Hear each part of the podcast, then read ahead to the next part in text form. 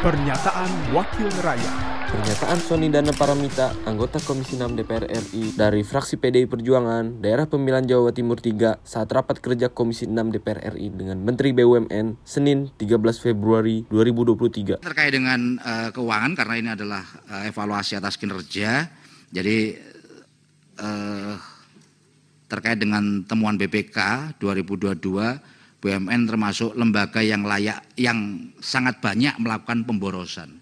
Jadi bukan Kementerian BUMN, tapi BUMN-nya banyak sekali melakukan pemborosan sehingga ketidakhematan itu sampai 683 miliar, ketidakefektifannya ada 257 miliar. Kemudian tidak patuhan terhadap ketentuan perundang-undangan ada 9,9 triliun. Saya kira ini perlu direspon juga oleh uh, Pak Menteri agar ke depan tidak uh, seperti ini. Pernyataan Sony Dana Paramita, anggota Komisi 6 DPR RI dari fraksi PDI Perjuangan, Daerah Pemilihan Jawa Timur 3, Produksi TV dan Radio Parlemen, Biro Pemberitaan Parlemen, Sekjen DPR RI. Pernyataan Wakil Rakyat